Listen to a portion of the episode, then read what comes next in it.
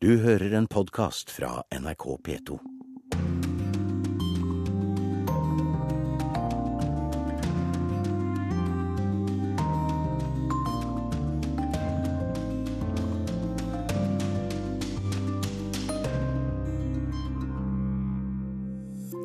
Terrorgruppa Boko Haram sprer seg og skaper frykt også utover Nigerias grenser.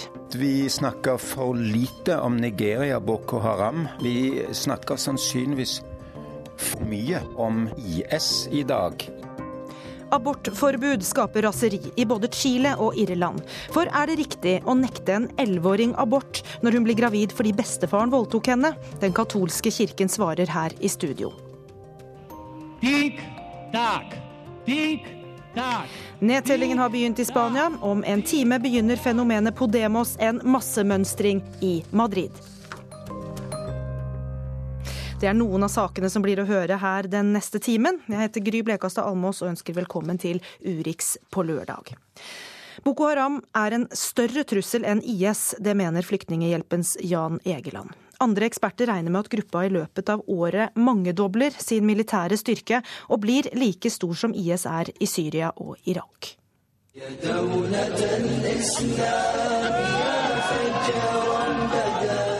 Med en slags islamsk musikk som bakteppe viser Boko Haram seg fram i en video lagt ut på nettet i forrige uke. Med et maskingevær i handa står gruppas leder Abubakar Shekau og leser opp fra et papir han har i den andre handa. Med et stort glis forteller den frykta terroristen at det var Boko Haram som nylig sto bak angrepet mot byen Baga, der så mange som 2000 mennesker kan ha blitt drepne. Nå skal både Nigeria og Kamerun utslettes, sier Shekau, før han fyrer av ei skuddsalve. Videoen er meint til å spreie frykt, både i Nigeria, men også i nabolandene Kamerun, Tsjad og Niger.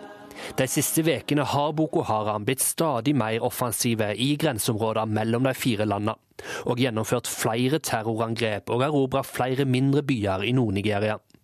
Nå mener tidligere FN-topp og generalsekretær i Flyktninghjelpen Jan Egeland at det er på tide å ta Boko Harams trusler på alvor. Vi snakker for lite om Nigeria Boko Haram. Vi snakker sannsynligvis for mye om IS i dag. IS er til dels på tilbakegang mange steder, altså den islamske staten i Syria og Irak. Boko Haram i Nigeria utvider sin, sin, sitt terrorområde, og det er ingen effektiv plan for å stanse deres herjinger. Egeland viser til at gruppa nå har tatt kontroll over halvparten av Borno-delstaten i nord. Og hver dag legger 800 mennesker ut på flukt fra Boko Haram. Han mener at omverdenen nå må ta ansvar. Nigeria er på topp tre i antallet internt fordrevne av krig og vold og terror i verden. Fra vestlige land, fra giverlandenes side, må det komme en plan for å hjelpe Nigeria til å ta vare på sin egen sivilbefolkning. Det gjør de ikke i dag. Men det er ikke bare Jan Egeland som er uroa. Også Christian Nellemann, som for tida er på spesialoppdrag for FN og annet jobber med å kartlegge hvordan Boko Haram får tak på penger og ressurser, tror at gruppa kan vokse seg sterkere. Boko Haram er nå i et uh, stort skifte fra å være nesten en, uh, en liten begrenset militsgruppe som har, har, operert i det skjulte, til en kraftig uh, utvidelse, der vi risikerer at de kan bli like store som islamsk stat er i Og Syria. Nellemann viser til at Boko Haram får inn mye penger gjennom å truge landsbyhøvdinger til å betale en slags skatt. Og om de ikke betaler, så vil Boko Haram angripe landsbyen. Og dermed kan gruppa holde fram med å vokse. Ja, altså Vi regner med at Boko Haram i løpet av 2015 allerede vil kunne antakeligvis eh, tre- til femdoble sin militære styrke, og da etter hvert nå på en størrelse eh, som islamske stat, som følge av at de nå eh, kontrollerer store landområder og dermed tjener penger. Fram til nå har Nigeria prøvd å stoppe Boko Haram på egen hånd, men uten særlig hell. Nå går alarmen også utenfor Nigeria, og flere land mobiliserer for å ta et ordentlig oppgjør med terrorgrupper. For om ekspertene får rett, så vil Boko Haram i tida som kommer bli et stort problem langt utover Nigerias landegrenser. Reporter her var Vegard Kjørom. Boko Haram har gjennomført angrep eh, også utenfor Nigerias grenser. I går ble tre regjeringssoldater fra Tsjad drept og tolv skadet da gruppa gikk til angrep nord i Kamerun. 123 av angriperne skal også ha blitt drept. Tsjad sendte soldater til området tidligere i måneden for å bistå i kampen mot Boko Haram. Og Den afrikanske union bestemte seg i går for å arbeide for å opprette en fellesafrikansk styrke på 7500 soldater til kampen mot Boko Haram. Men det kan bli vanskelig. Korrespondent Sverre Tom Radøy har vært til stede på unionens møte. Terrorism, in particular the brutality of Boko Haram against our people, are a threat to our collective safety, security and development. Slik åpnet Dlamini Zuma Den afrikanske unions toppmøte i Addis Abeba i går. Foran 54 statsledere her fra det afrikanske kontinent ga hun kampen mot Boko Haram første prioritet. Som kommisjonens leder for Den afrikanske union var det hun som satte dagsorden, og ikke før hadde statslederne enstemmig valgt Robert Mugabe som en mer symbolsk leder for ett år. Så kom meldingen fra Freds- og sikkerhetsrådet om at unionen vil opprette en styrke på 7500 soldater for å bekjempe Boko Haram. Vedtak skal fattes, legges fram for FNs sikkerhetsråd, og dette kan ta tid. Men et mandat derfra øker sjansene for å få gjennomført operasjonen. Det blir et spleiselag der vi alle må bidra økonomisk. Dette kom ikke uventet. Vi må handle nå, sa Pierre Bayaya. Han er ansvarlig for AUs bekjempelse av Boko Haram, Al Shabaab, maliske og libyske ekstremister av ymse slag. Som nybakt strategisk partner til Den afrikanske union hadde Norge invitert en drøy håndfull ministre og folk med ansvar for antiterrorarbeid til et møte om hva som nå må gjøres. The, the concerned, Nigeria,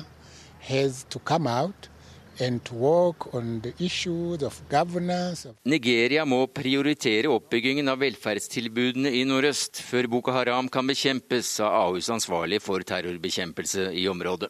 Døm ikke ungdom som lokkes inn i slike miljøer for hardt.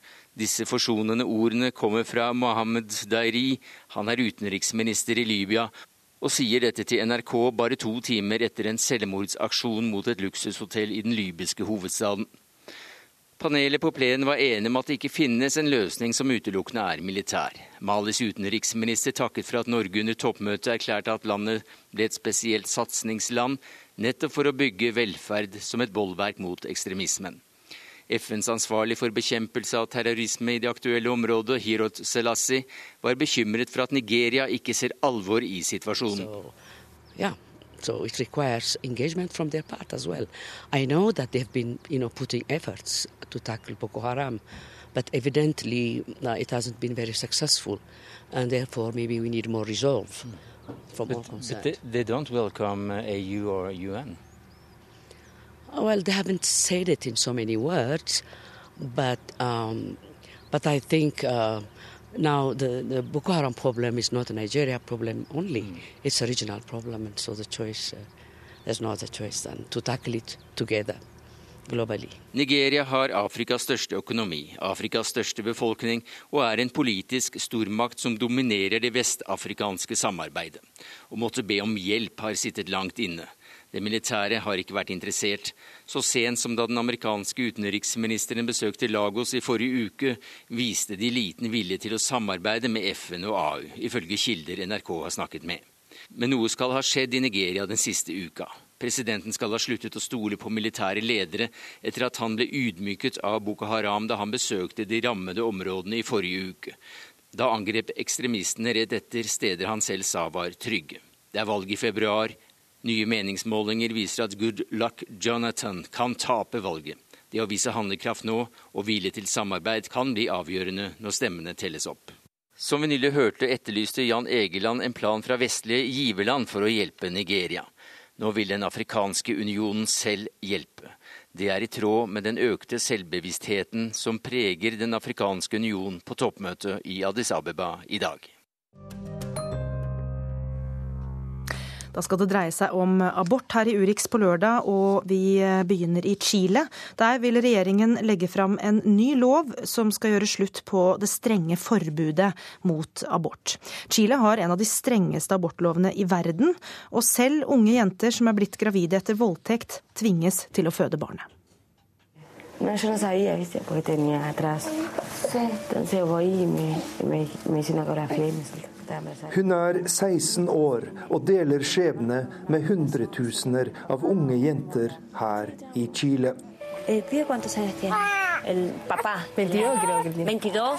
Hun heter Katja og er mor til en fem måneder gammel jente. Jeg var sammen med en gutt på 22, men da jeg ble gravid, ville han ikke se meg mer. Jeg ville ikke ha barnet, men her i Chile er abort en forbrytelse, så nå er jeg mor og prøver å unngå å tenke for mye på fremtiden, sier Katja. Hennes historie er sørgelig velkjent, men slett ikke blant de mest hjerteskjærende, sier Kena Lorenzini i menneskerettsorganisasjonen Corporación Humanas. Estos últimos tiempos han salido a la luz dos casos de niñas de 11 años. En el gobierno de Sebastián Piñera Den siste tiden har vi hatt tilfeller der jenter på bare 11 år er blitt gravide og tvunget til å føde sitt barn. Under den forrige regjeringen til Sebastián Piñera ble en 11 år gammel jente voldtatt av sin bestefar, og presidenten uttalte da offentlig at han hadde snakket med jenta, og at hun hadde lovet å passe like godt på barnet som sin yndlingsdokke. Det er denne galskapen vi lever med her i Chile, sier menneskerettsforkjemperen.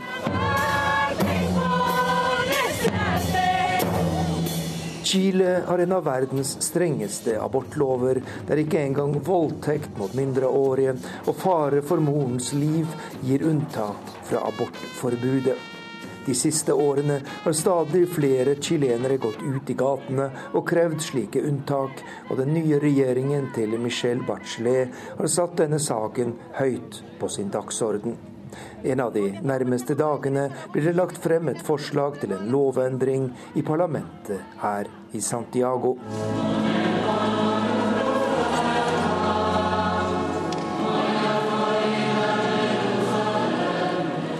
Chiles katolske kirke er en sterk forsvarer av dagens abortlover, og kjemper hardt mot regjeringens forsøk på å få til endringer.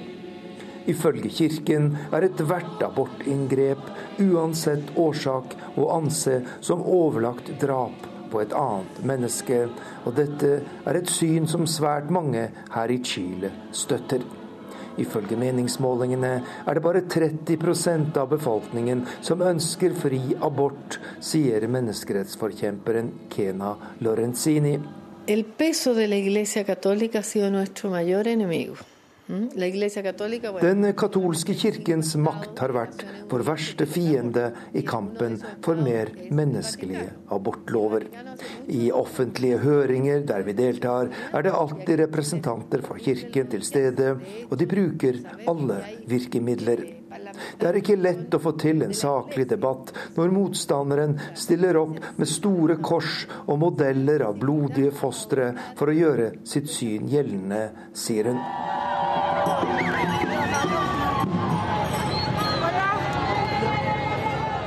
Selv om motstand mot abort er sterk her i Chile som ellers i Latin-Amerika, så mener stadig flere chilenere at det er på tide med en liberalisering. Det er derfor ventet at regjeringens forslag til lovendring blir vedtatt, slik at det gjøres unntak for mindreårige, for voldtatte kvinner og i saker der morens liv er i fare. Men selv om det kommer en ny lov, sier kirkens menn at de ikke vil følge den. No todo lo legal es moral. Primero Dios, después el rey. Ikke alt som er lovlig, er moralsk riktig. Først kommer Gud, og så kommer kongen, sier kirketalsmannen Juan Vicente Cordovas. Vi følger vår samvittighet i alle spørsmål i samfunnet, og det vil vi selvsagt også gjøre i en så viktig sak som denne, sier han.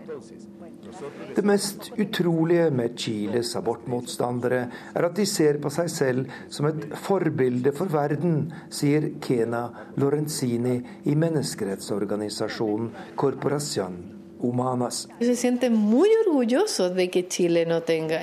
er svært stolte av at vi har denne loven, og de føler en moralsk overlegenhet i forhold til land som har innført fri abort. For disse menneskene er Chile en av de få virkelige forsvarere av livet, og de skjønner ikke at resten av verden ser på landet vårt som ekstremt og tilbakeliggende i dette spørsmålet, sier den kjente menneskerettsforkjemperen her i Santiago de Chile. Det var Arnt Stefansen som hadde sendt oss denne reportasjen fra Chile. Et annet katolsk land som forbyr abort, er Irland. Så sent som i 2013 tillot, tillot de aborter der mors liv er i fare, men all annen provosert abort er ulovlig. De siste månedene har debatten blusset opp igjen, noe reporter Anette Groth har sett nærmere på.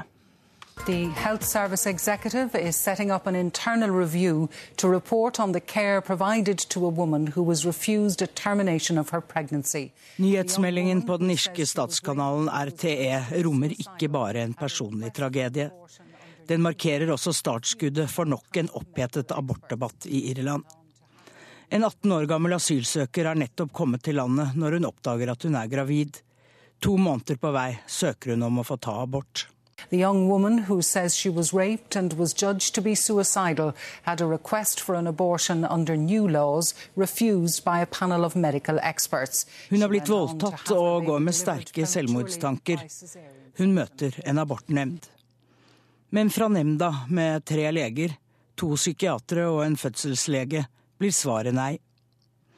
Da går Miss Y, som hun kalles, til sultestreik. Hun nekter å ta til seg både mat og drikke. She went on to have her baby delivered prematurely by cesarean section. Abort får hun ikke, men barnet blir forløst ved keisersnitt 24 uker ut i svangerskapet. Barnet er nå tatt hånd om av barnevernet. Slike utslag gir den irske abortloven. Abort er forbudt etter Grunnloven. I 1983 var det attpåtil en folkeavstemning som endte med at forbudet ble forsterket. Det ufødte barnet skulle ha samme verdi som moren. Grunnlovens åttende tilføyelse blir det kalt, the eighth amendment. Selv kvinner som er voldtatt, må gå svangerskapet ut. Aborttilhengerne tapte avstemningen i 1983, og strømmen av kvinner som reiser over Irskesjøen for å få utført abort i Storbritannia, den fortsetter. And they're happy to send 12 women a day to the UK and further afield. It's not good enough. They're going to have to repeal the Eighth Amendment. Gjennomsnittlig reiser tolv irske kvinner hver eneste dag ut av landet for å få utført abort. Nå må de snart få opphevet dette tillegget til Grunnloven, slik at kvinner slipper å risikere liv og helse, sier abortforkjemper Kathleen Docherty i dag. Snaue ti år etter innstrammingen i abortloven, i februar 1992, blusset abortdebatten voldsomt opp igjen. Grunnen var en 14 år gammel jente, bare kalt X, som var blitt voldtatt av faren til en venninne. Voldtekten ble meldt til politiet, som igjen meldte fra til rettsvesenet. Foreldrene ville ta 14-åringen med til Storbritannia for å få tatt abort, men ble stoppet. Saken gikk helt til Høyesterett, som til slutt ga X og foreldrene medhold i at hun kunne få reise. X-saken vakte voldsomme følelser. Abortmotstanderne mente det ikke var tatt nok hensyn til det ufødte barnet, mens aborttilhengerne var rasende på 14-åringens vegne. We have a government which is now colluding with rapists. So we want this article in the constitution amended, completely scrapped, taken away. Vi har en regjering som sammensverger seg med en voldtektsmann. Nå må vi få opphevet den strenge tilføyelsen i Grunnloven, sier denne kvinnen. Og igjen er den katolske kirken sterkt på banen for å forsvare den strenge abortloven. I think that abortion is a great abuse of women. I think it's an extreme form of the sexual abuse of women, and um, as well as the destruction of their children.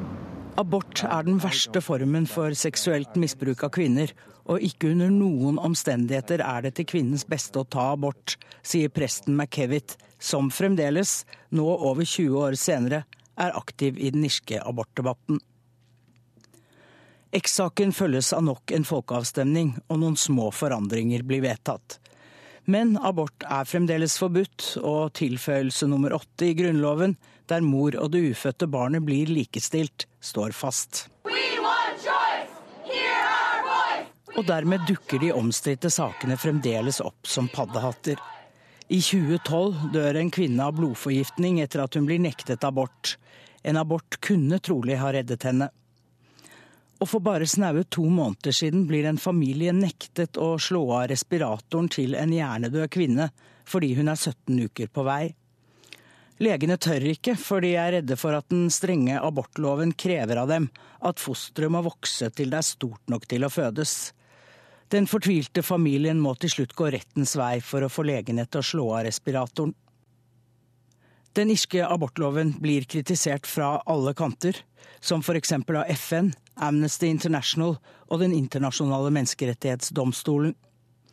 Utdanningsminister Jan O'Sullivan ser behovet for en ny folkeavstemning.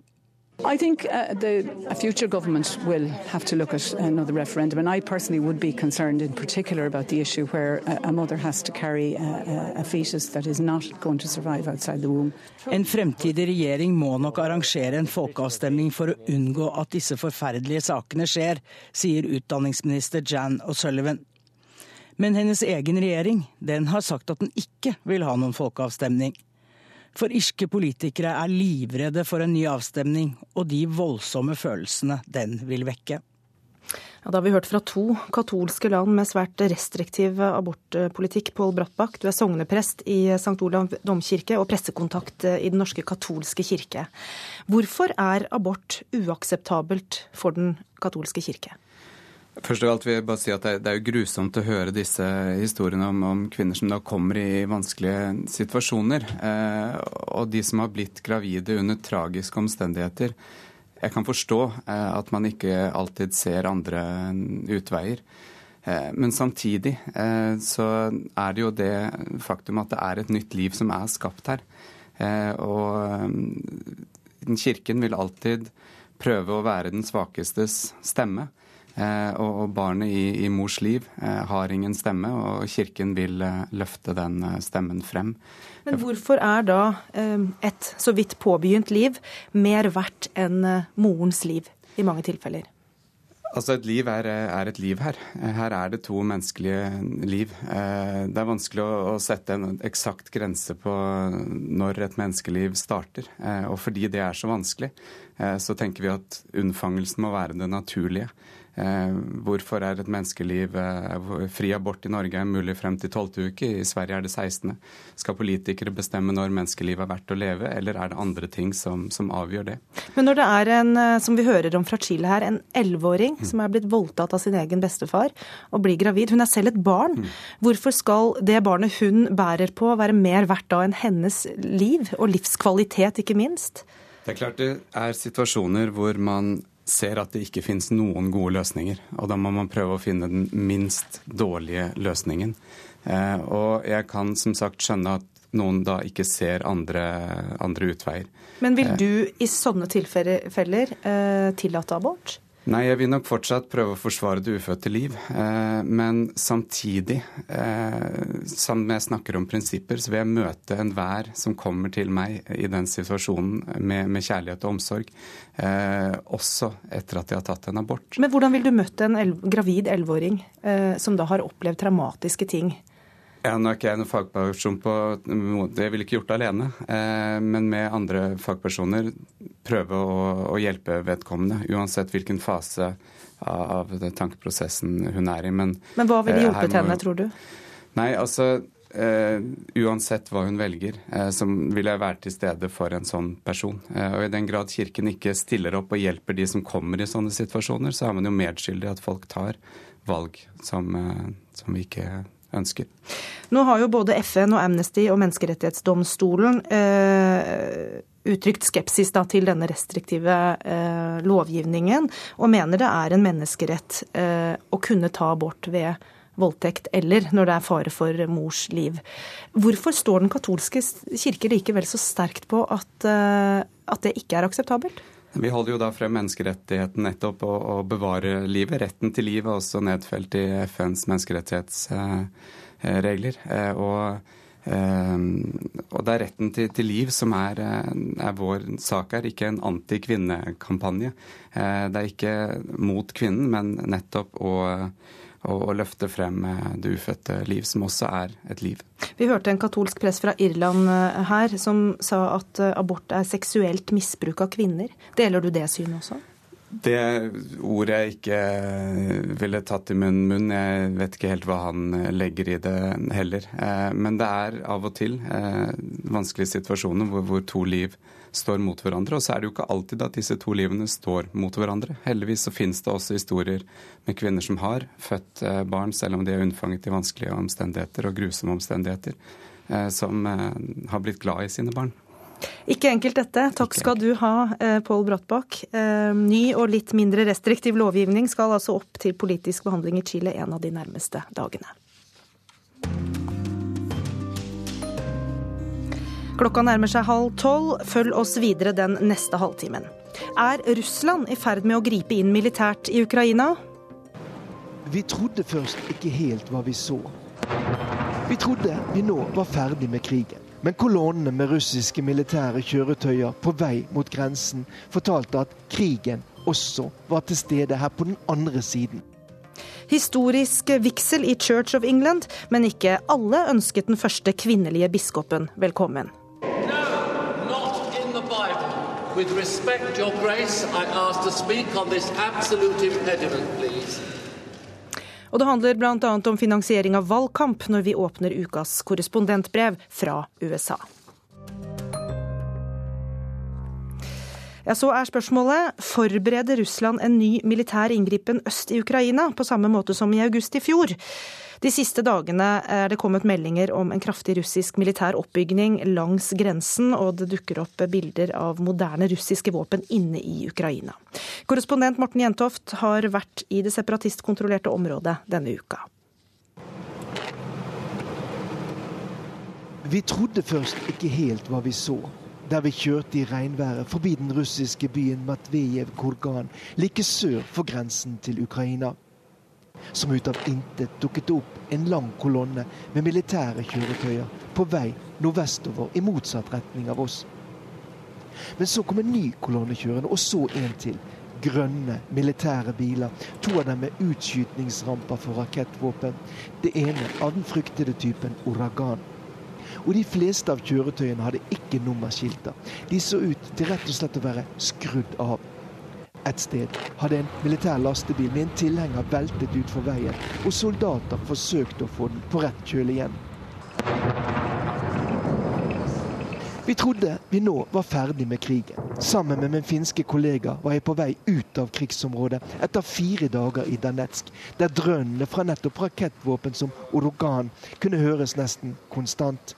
Men kolonnene med russiske militære kjøretøyer på vei mot grensen fortalte at krigen også var til stede her på den andre siden, og brakte minnene tilbake til det som skjedde i slutten av august i fjor, da Europa opplevde noen av de blodigste krigshandlingene siden annen verdenskrig.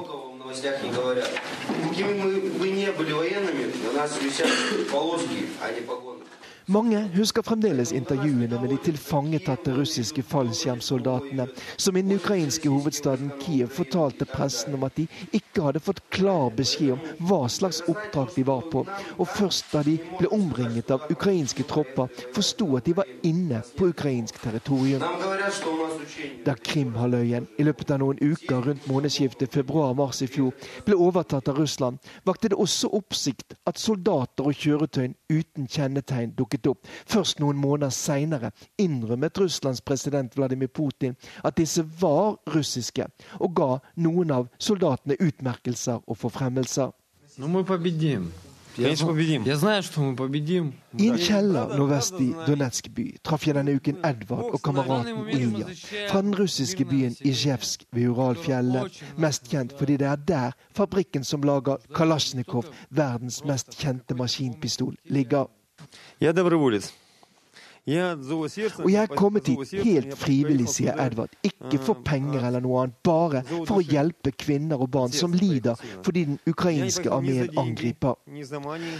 Edvard passer dermed inn i det bildet som russere blir presentert for daglig gjennom sine medier. Det foregår et folkemord mot den russisktalende befolkningen i Novorossia, den delen av Ukraina der russisk språk dominerer. Og de russere som drar dit for å slåss, ja, de gjør det av egen frivillige. Vi ser på dem som kommer hit for å slåss på vår side, som internasjonalister, sier Edvard Basuri, nestkommanderende i Folkerepublikken Danetsks væpnede styrker, som gir møter i det som en gang var hovedkvarteret for gruveindustrien i Donbas-området, men som nå også huser ledelsen for forsvaret til de prorussiske separatistene, eller heimevernstyrkene, som de selv kaller seg. Нет, русских войск нету. Есть представители Российской Федерации. regulære russiske avdelinger som slåss på vår side, sier Edvard Basuri, men bekrefter at det han kaller representanter fra Russland, er kommet hit på eget initiativ. Ikke bare for å hjelpe oss militært, men også på andre måter, bl.a. for å arbeide på sykehus. Men det er ikke bare NRK som har observert moderne russiske våpen i grenseområdet mellom Russland og Ukraina de siste dagene.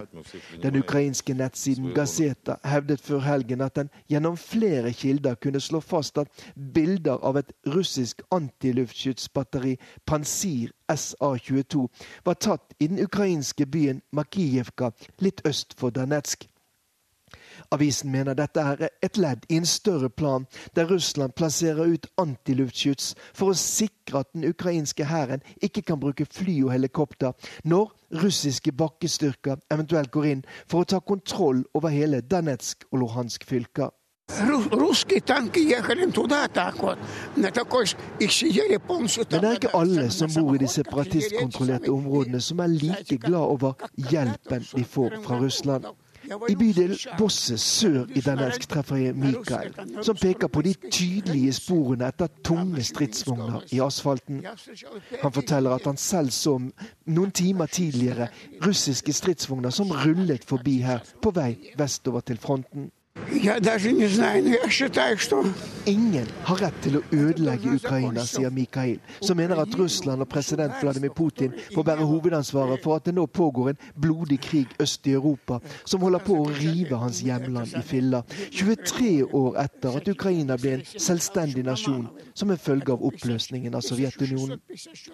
Alle meningsmålinger som er gjort, viser da også at det store flertallet av innbyggerne i de to opprørsfylkene Danetsk og Luhansk ønsker å være en del av Ukraina, selv om også flertallet vil ha mer uavhengighet fra Kiev og vil ha russisk språk som offisielt ved siden av ukrainsk. Спасибо вам. Как вас зовут? Mikhail Ivanovic. I familie?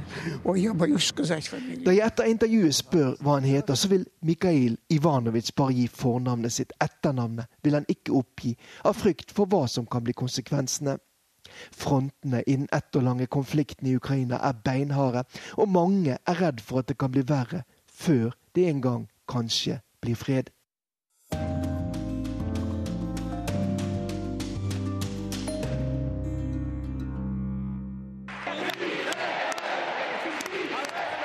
Her hører vi tilhengere av det ferske spanske politiske partiet Podemos. Ett år gammelt ligger det an til å vinne valget i Spania til høsten. Og akkurat nå er gatene i Madrid i ferd med å fylles til en massemønstring Podemos mener er starten på den sittende statsminister Rajoys avgang. Og vi har med oss Carmen Sanz fra Madrid. Du er advokat, du er også president i Det norsk-spanske handelskammer. Og du har tilbrakt eh, formiddagen i gatene for oss. Og hvordan ser oppslutningen om denne mobiliseringen ut til å bli? Ja, hei, god dag til alle sammen. God dag, ja. Eh, vi var veldig heldige med været, i alle fall, fordi sola skinner i Madrid. Men det blåser, og det er kaldt. Og eh, det er en sånn veldig festlig stemning eh, rundt eh, Fiveles Plaza, rundt eh, Puerta del Cala. Og jeg så eh, at folk begynte å nærme seg. Til og med med musikkorpsa. Og det var en veldig bra stemning. Det, det var en festlig stemning, for å si det sånn. Og dette skal altså eh, begynne klokka tolv. Du blir med oss litt videre mens vi skal få en bakgrunn på dette partiet som altså heter Podemos. Ja, ja. Porque en España han pasado muchas cosas. Se han llevado el dinero por la cara, los dos partidos, bueno, casi todos los partidos, entonces un cambio vendría bien. Luis Alcaraz jobber i en fiskebutikk. Han er misfornøyd med utviklingen i Spania i alminnelighet, og i de politiske partiene i særdeleshet. Nesten alle politiske partier tenker bare på seg selv, sier han. Derfor eh, hadde det vært fint med en forandring, og han vil, om enn noe motvillig, støtte Podemos. Podemos er en populistisk misnøyebevegelse på venstresiden. Podemos betyr vi kan, og fremstår dermed som noe mer konstruktiv enn forgjengeren Indignados, som sto for noe av det samme.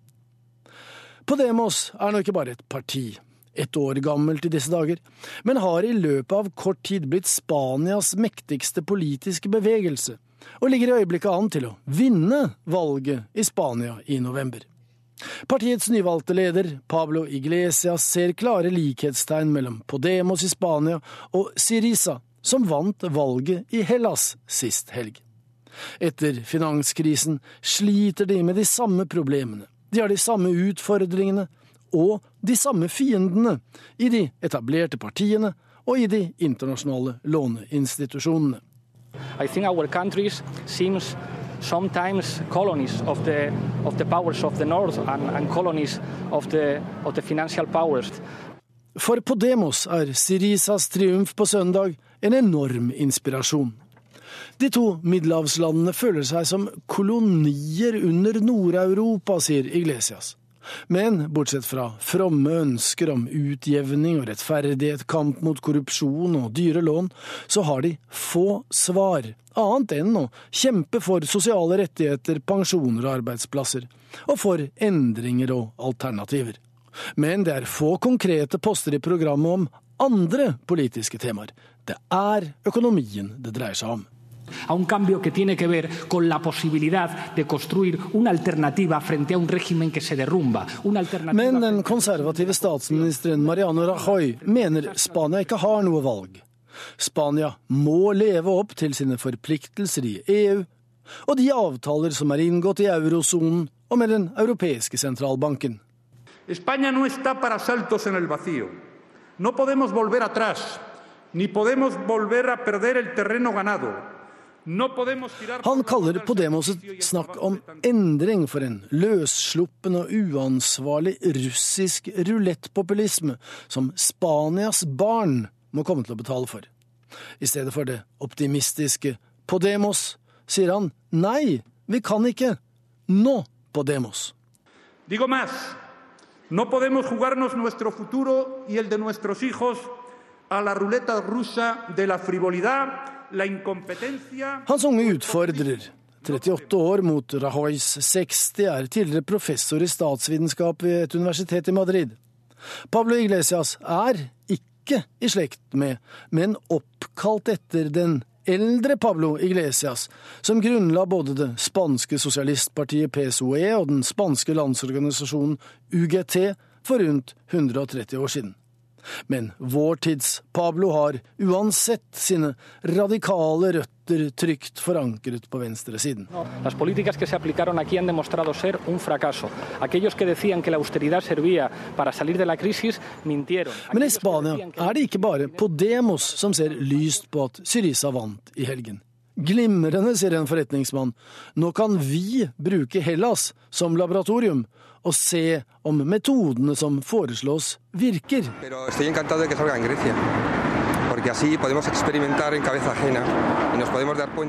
Når vi ser hvor galt det bærer av sted, så kan vi lære, sier Fernando Crais i Madrid.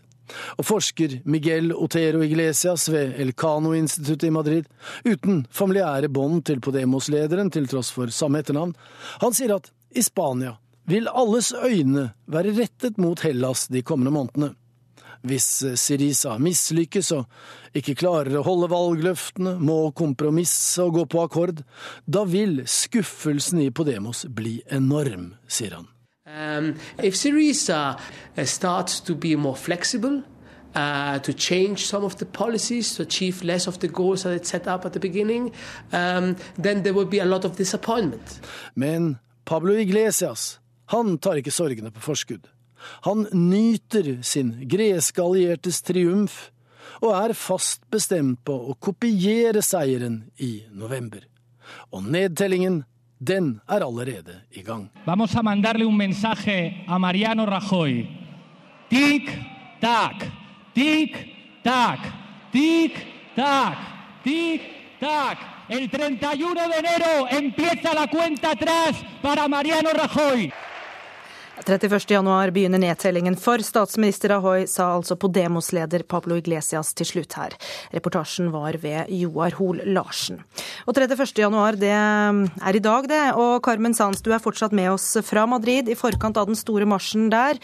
Eh, det er bare ett år siden Podemos oppsto som politisk parti, og nå ligger det altså an til å vinne valget senere i år. Kan du forklare hvordan det har gått til?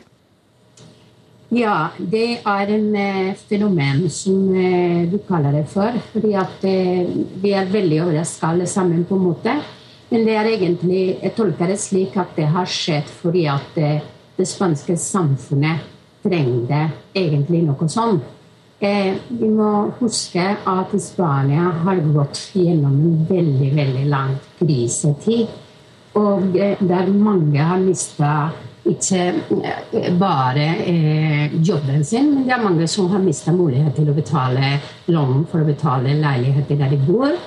Og eh, det er mange som har det vanskelig for å til og med kjøpe mat. Så det er jo det er en situasjon som er, som er uholdbar. Og følelsen i samfunnet jeg tror at det har vært at eh, politikerne ikke tok hensyn til det. Ikke høre på samfunnet. Og da plutselig kom Podemos, som begynte å eh, på en måte klage på situasjonen. Og da har det blitt tatt med glede, selvfølgelig. Nå er det litt eh, dårlig linje på deg, men vi forstår at uh, du forklarer at Podemos da har oppstått i et slags vakuum på grunn av denne politisk vakuum pga. den krisestemningen uh, som er. Men selv vil du ikke stemme på Podemos. Uh, forklar det. Ja, jeg eh, Nei, det vil jeg ikke gjøre. Jeg tror at Podemos eh, er ikke eh, moden nok for tida. Det er sikkert en god politisk parti og vil bli det når tida går. Men jeg tror at Podemos foreløpig er litt for teoretisk. Og det snakker vi alle om om at de har veldig veldig gode ideer. Det var på tide av noen politikere i Spania på en måte var satt på sida av samfunnet og tenkte på problemet vi har. Men eh, når det gjelder eh, de politiske planene de har for framtida, spesielt de økonomiske planer osv., da ser vi at de sitter på den teoretiske delen. Og for meg er det litt urealistisk eh, det de foreslår å gjøre i framtida. Så ja, jeg, jeg liker deres ideer, men eh, jeg stoler ikke på deg som eh, Unnskyld, den politiske partiet som vil sitte i regjeringa. Men samtidig så får de altså så stor oppslutning nå at, at man må regne med dem. Og også du mener jo at de har vært helt nødvendige for den politiske situasjonen i Spania nå, fordi det er behov for endring. Hva tror du kommer til å skje videre? Ja, så absolutt. De har, de, de har vært fundamentale i å forbedre den spanske politiske eh, situasjonen for tida. Fordi at eh, vi bor i en slags bipartidisme, der vi har det eh, Høyre, PP, og så har vi det i regjeringa, og så har vi Den sosialistiske partiet som opposisjon. Og følelsen, generell følelsen i samfunnet er at de sitter veldig komfortabelt begge to. Mm, og det og da, tror jeg ikke de kan gjøre så mye lenger. Tusen takk, jeg er nødt til å kutte deg der. Det var veldig interessant å høre din analyse av dette. Takk skal du ha, Carmen Sanz, for at du var med oss fra Madrid. Og denne mobiliseringen til Podemos begynner altså nå klokka tolv, og den vises direkte på nettsidene våre nrk.no. Vi skal til en historisk hendelse i Storbritannia denne uka. Den anglikanske Church of England vigslet sin første kvinnelige biskop etter at en lang og splittende debatt innad i kirken endte med å tillate dette i fjor. Men vigselsgudstjenesten gikk ikke helt uten avbrytelser denne uka. Is it now your will that she should be ordained? It is. Libby Lane står klar på gulvet i ærverdige York Minster. Forventningene til å skulle skrive historie er store. It's thinking about it is um, very emotional. I mean, it's a remarkable thing that um, people are. This happens to be me, and actually, people have been very supportive of me personally. But actually, this is about a moment in the church's history. Dette er historisk. Det er bemerkelsesverdig at dette skjer med meg, sa 48 år gamle Libby Lane til BBC før mandagens seremoni. Men blant de mer enn 1000 frammøtte i katedralen denne dagen, er det én som ikke vil la dette skje uimotsagt. Is it now your will that she should be ordained?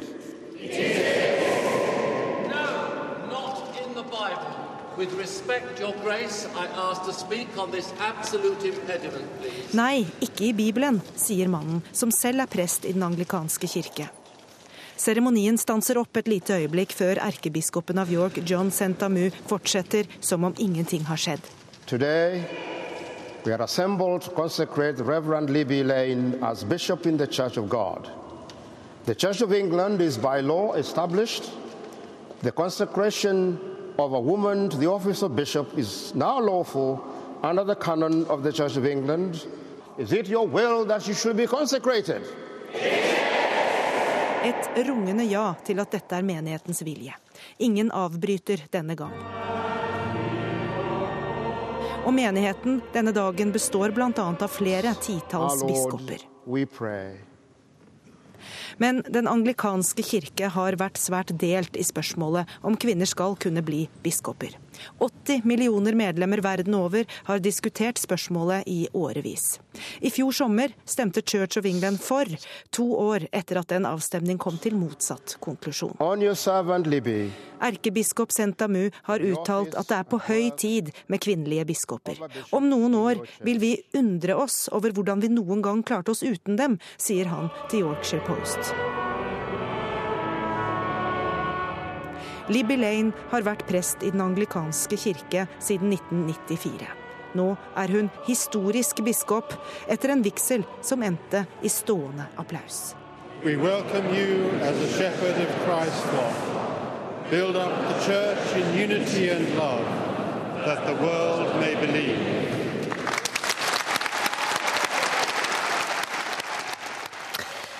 Ja, Da er det tid for å åpne ukas korrespondentbrev. Det er sendt oss fra USA, der det som kjent skal velges kandidater til neste års presidentvalg. Den blankpolerte hvite Bentleyen glir forbi oss. Den svinger inn i halvsirkelen og stopper foran inngangen til hotellet. En sikkerhetsvakt iler til for å åpne døra, og en rødmusset, lettere korpulent herre med gullgrått hår stiger ut. Han har lys dress og skjorte med skjerf i halsen. Det er nytteløst å rope etter ham.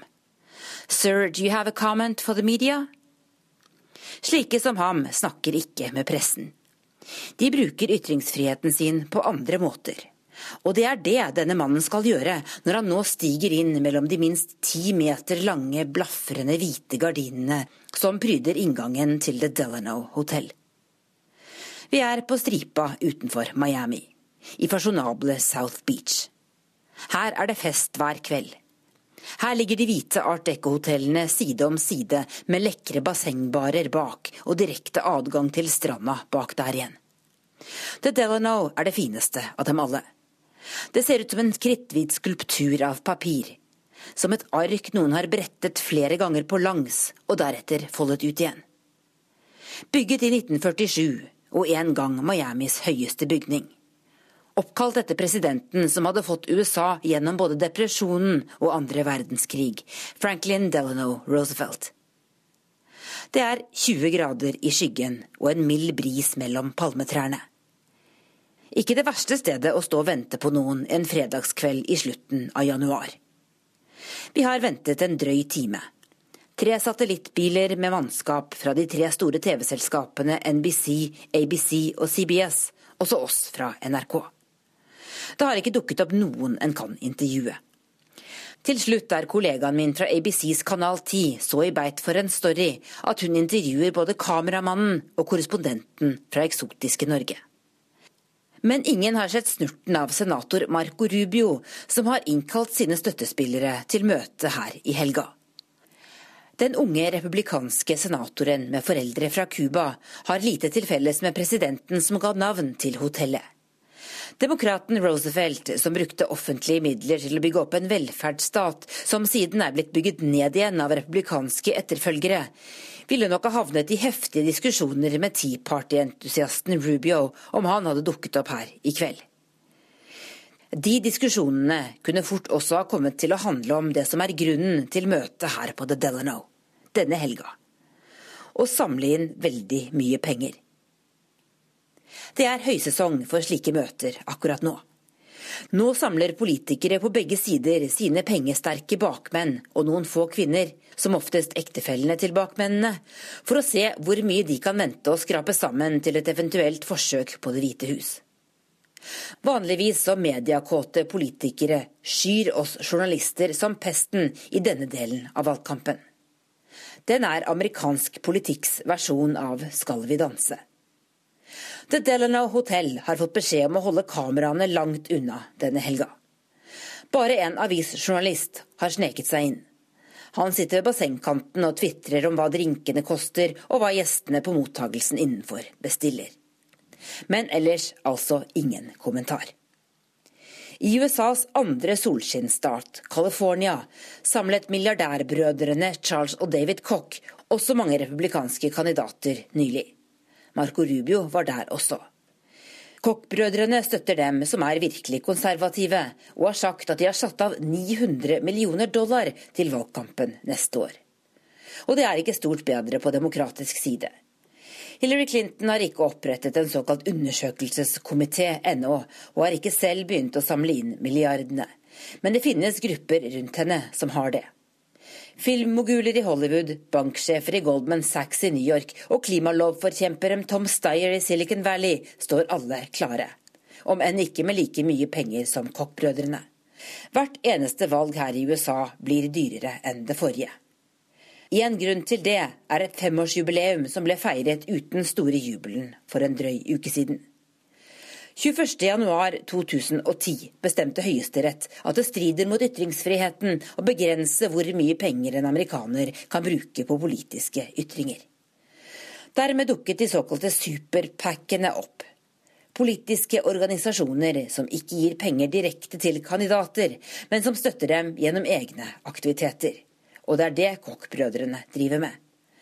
Et flertall av amerikanere sier i meningsmålinger at de er negative, og at de ikke trenger å dele denne informasjonen med omverdenen. Diskresjon er lov når det gjelder pengebruk her i USA. Det er faktisk en kulturforskjell, en rett som det er bumper borti når en er norsk og lever i det amerikanske samfunnet. I Norge snakker vi ofte og mye om penger. Slik oppfatter jeg det, i alle fall. Hvor mye betalte du for den leiligheten? Hva har du i lån, egentlig? Egenkapital? Hvor mye kostet det nye kjøkkenet? Hva, har han tre millioner i banken? I vårt sosialdemokrati står det i lokalavisa hvor mye folk tjente i fjor, og hva de betalte i skatt. Her i USA lister lokalaviser i stedet opp hvem som ble stoppet av politiet, og hvilke forelegg de fikk. Men skattelistene, nei, der går grensen. Amerikanere kan ikke fatte at vi har en slik åpenhet om pengene våre. Du kan lese om hvor mye de rikeste tjener på sladrenettstedene, men vanlige folk vil ikke oute sin rikdom. De som er fattige, snakker oftere om hva de tjener, enn de som har mye mer enn det de trenger. De er komfortable, er ofte svaret en får når en frekk nordmann spør om hvordan naboen har råd til å bo i et hus som sikkert må ha kostet 15 millioner kroner. Å være komfortabel betyr gjerne å ha arvet, eller kanskje til og med å ha en bestefar som opprettet et fond til barn og barnebarn. Det finnes mange som lever av avkastning her. Det koster å leve godt i USA. Det som er dyrt i Norge, er billig her. som biler og sprit. Men det som er gratis i Norge, er kjempedyrt i USA, som utdanning og helsetjenester. Du trenger mye penger for å komme deg noe sted i det amerikanske samfunnet. Og skal du bli politiker, trenger du enda mye mer. En gang iblant dukker det opp en Barack Obama som når helt til topps mens han fortsatt har studielån. Men ofte er det rike mennesker som blir valgt inn i landets høyeste embete. Og i ryggen har både de og Barack Obama dem som er enda mye rikere. Her i South Beach vet mange hva jeg snakker om. Her koster det flere tusen kroner å bo på helt vanlige hoteller. Hit flys ungdom fra komfortable familier inn med helikopter fra USAs dyreste universiteter for å feste i vinterferien. Og hit kommer rike politiske donorer altså kjørende i de lekre bilene sine denne fredagen. Plutselig kommer live-reporteren til NBC løpende. Marco Rubio kom nå. Han snek seg inn gjennom et hull i hekken, roper hun. En fem meter høy grønn hekk omkranser inngangen til The Delano Hotel. Om en kjører bilen sin helt inntil, finnes det et hull å gå inn gjennom. Der smatt han inn, gitt. Den luringen, uten så mye som å snu seg for å svare på hvor mange millioner Stand with Marco-gjengen har i lommene. Det er en tid for alt. Og denne helga er ikke tiden for intervjuer, melder pressesjefen hans. Vi fra media henger rundt en halvtime til. Deretter går vi slukøret tilbake til vår egen bassengbar. Neste dag er det lørdag, og møtet på The Delano fortsetter. Men pressen får heller ikke da noe en kan melde fra innsiden. De som holdt ut lenger enn meg på utsiden, får imidlertid én nyhet å rapportere om derfra lørdag formiddag. Kona til senator Rubio skal slippe av noen i familiens enorme Ford. Da hun skal kjøre ut av den trange hotelloppkjørselen, skraper hun opp den hvite Porschen til en potensiell bidragsyter til sin manns valgkamp. Det blir behørig rapportert på Twitter. Dekningen av valgkampen er altså i full gang. Det sa korrespondent Tove Bjørgaas. Det var hun som sendte oss ukas korrespondentbrev. Det og et par av reportasjene du har hørt i denne sendingen, kan man høre igjen klokka 16.40 på P2 i ettermiddag. Lørdagslaget her var Beate Haugtrø, Viviana Vega og Gry Blekastad Almås. Vi takker for oss, og så minner vi om at Urix også er tilbake på TV på NRK2 fra mandag kveld. Ha en god helg.